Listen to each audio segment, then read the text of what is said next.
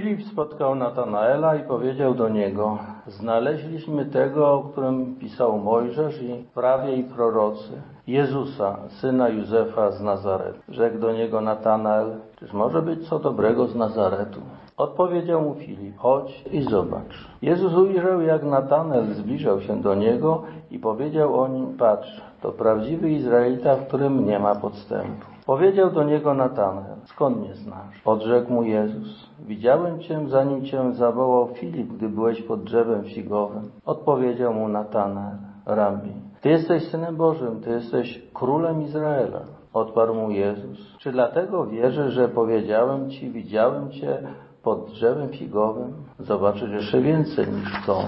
Potem powiedział do niego: Zaprawdę, zaprawdę, powiadam wam, ujrzycie niebiosa otwarte i aniołów bożych wstępujących i wstępujących na Syna Człowieczego. Skąd mnie znasz? To odpowiedź na słowa Pana Jezusa, patrz, to prawdziwy Izraelita, w którym nie ma podstępu. Prawdziwy Izraelita, w którym nie ma podstępu. Ten się pyta, jak to? Skąd mnie znasz?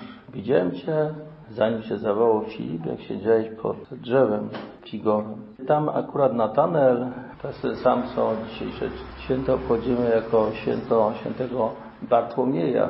Natanel i Bartłomiej to ta sama osoba. Ten się pyta właśnie skąd mnie znasz. Kiedy Pan Jezus nawiązuje do tego momentu, kiedy on w samotności siedział pod drzewem figowym, musiał sobie przypomnieć jakiś szczególny moment z tego, tego siedzenia, może jakaś refleksja, może coś. Człowiek będąc samotny w istocie zawsze tak czy inaczej jest zawsze przed Bogiem. Wszystko co się dzieje, co robi, co myśli, to się wszystko dokonuje przed Panem Bogiem.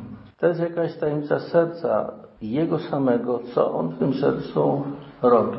Nagle Pan Jezus mówi, widziałem Cię.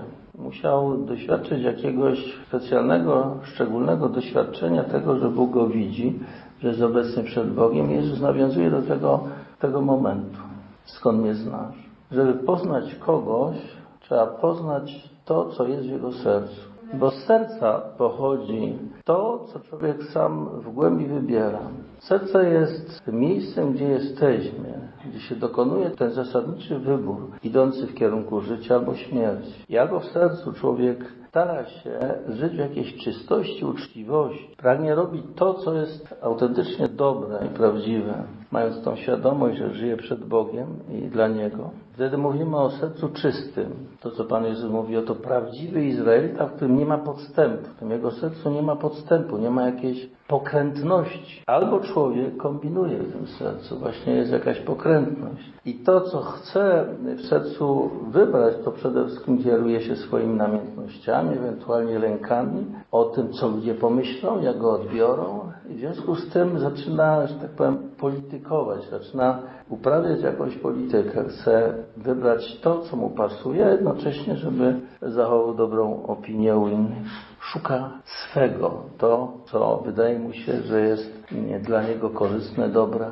żeby dobrze wypadł. I w tym momencie jest jakaś pokrętność, nie ma tej szczerości, nie ma tej autentyczności. Człowiek próbuje się usprawiedliwiać, próbuje robić jedno, a udawać coś innego. W całym y, y, monastycznym ruchu, od mnichów od początku, tych mnichów egipskich, to, co jest zasadniczym celem życia mnicha tu na ziemi, od strony praktycznej, to jest praca nad czystością serca. Na tym, żeby człowiek nieustannie był przed Bogiem i to, co robi, żeby mógł robić jakieś otwartości, nie bojąc się o to, że to, co będzie posądzono o, o zło. Posądzono oczywiście przed Bogiem, bo jakichś insynuacji, tak samo jak wobec Pana Jezusa, bywa sporo, ale żeby w tym spojrzeniu, w tym byciu przed Bogiem był nieustannie uczciwy i prawy. Błogosławieni czystego serca, albowiem oni Boga oglądać będą. Tak Pan Jezus mówi błogosławieństwa. I tak naprawdę mówi to o Natanaelu, tym człowieku, który, który się przybliżył do Niego. I ta jego odpowiedź, Rabi, Ty jesteś Synem Bożym, Ty jesteś Królem Izraela. Właściwie Natanael w tym momencie wyznaje, Ty jesteś tym Mesjaszem, którego oczekujemy. Ty jesteś tym, na kogo czekamy. Było to specjalne doświadczenie, jakieś widzenie. Ale Pan Jezus mówi, zobaczyć jeszcze więcej. Jeszcze więcej niż to. Zaprawdę, zaprawdę powiadam wam, ujrzycie niebiosa otwarte i aniołów bożych tępujących i stępujących na Syna Człowieczego. Pan Jezus w tym momencie nawiązuje do tego, co było doświadczeniem Jakuba, patriarchy, który udając się do swojego wuja, po drodze śpiąc miał sen, widział drabinę, po której aniołowie wstępowali i stępowali. To jest odwieczny symbol połączenia nieba z ziemią. Odwieczny symbol. Ci aniołowie są pośrednikami między, nie, między Bogiem a człowiekiem, między niebem a ziemią. I on zobaczył, że to miejsce jest święte. To miejsce jest tym stykiem nieba i ziemi. Żydzi potem wierzyli, że świątynia jerozolimska jest podnóżkiem stóp Boga, właśnie tym miejscem zetknięcia się nieba z ziemią, gdzie Bóg w sposób szczególny jest blisko człowieka i wysłuchuje jego prośby. I teraz Pan Jezus mówi, zobaczycie aniołów Bożych wstępujących i wstępujących, ale na Niego, a nie na jakieś miejsce. To On jest tym zetknięciem się nieba i ziemi. My to wyznajemy w naszym wyznaniu wiary. Jest i Bogiem, i człowiekiem. W Jego ciele płynie krew człowieka, ale ta krew jest jednocześnie krwią samego Boga, jest życiem, które jest Bożym życiem. I to jest to miejsce zetknięcia się nieba i ziemi. A jednocześnie tym miejscem jest osoba, która jest naszym bratem. To jest tajemnica, która nas kompletnie przeraza. Kiedy się zastanowimy, no dobrze, a kiedy to się stało? I to zobaczycie. Kiedy? Było takie szczególne doświadczenie, którego uczestnikami był Piotr, Jakub i Jan na górze przemienienia, kiedy Pan Jezus się przemienił wobec nich. Oni zobaczyli Jego chwałę, boską chwałę. Ale tam nie było żadnych aniołów, to jest po pierwsze.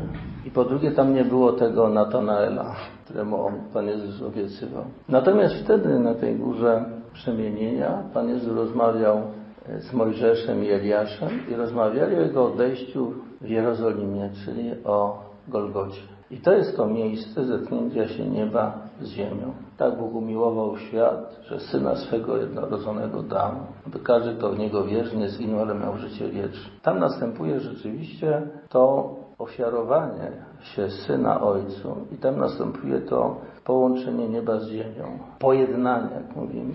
Absolutne pojednanie. I tam się rodzi Kościół, który jest niejako sakramentem jedności. Tutaj w oracji dzisiejszego dnia jest to powiedziane.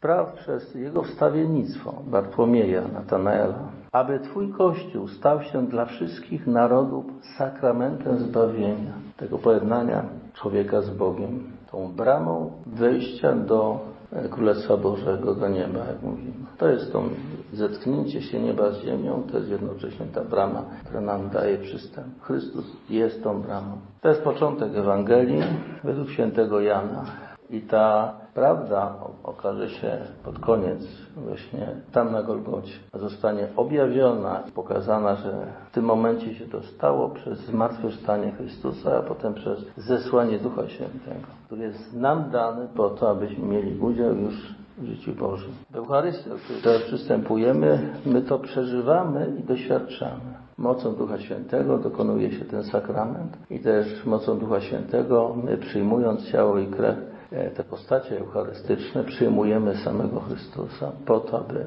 Jego życie było w nas, ale Jego życie jako zmartwychwstałego, czyli tego, który ma udział w życiu niebieskim.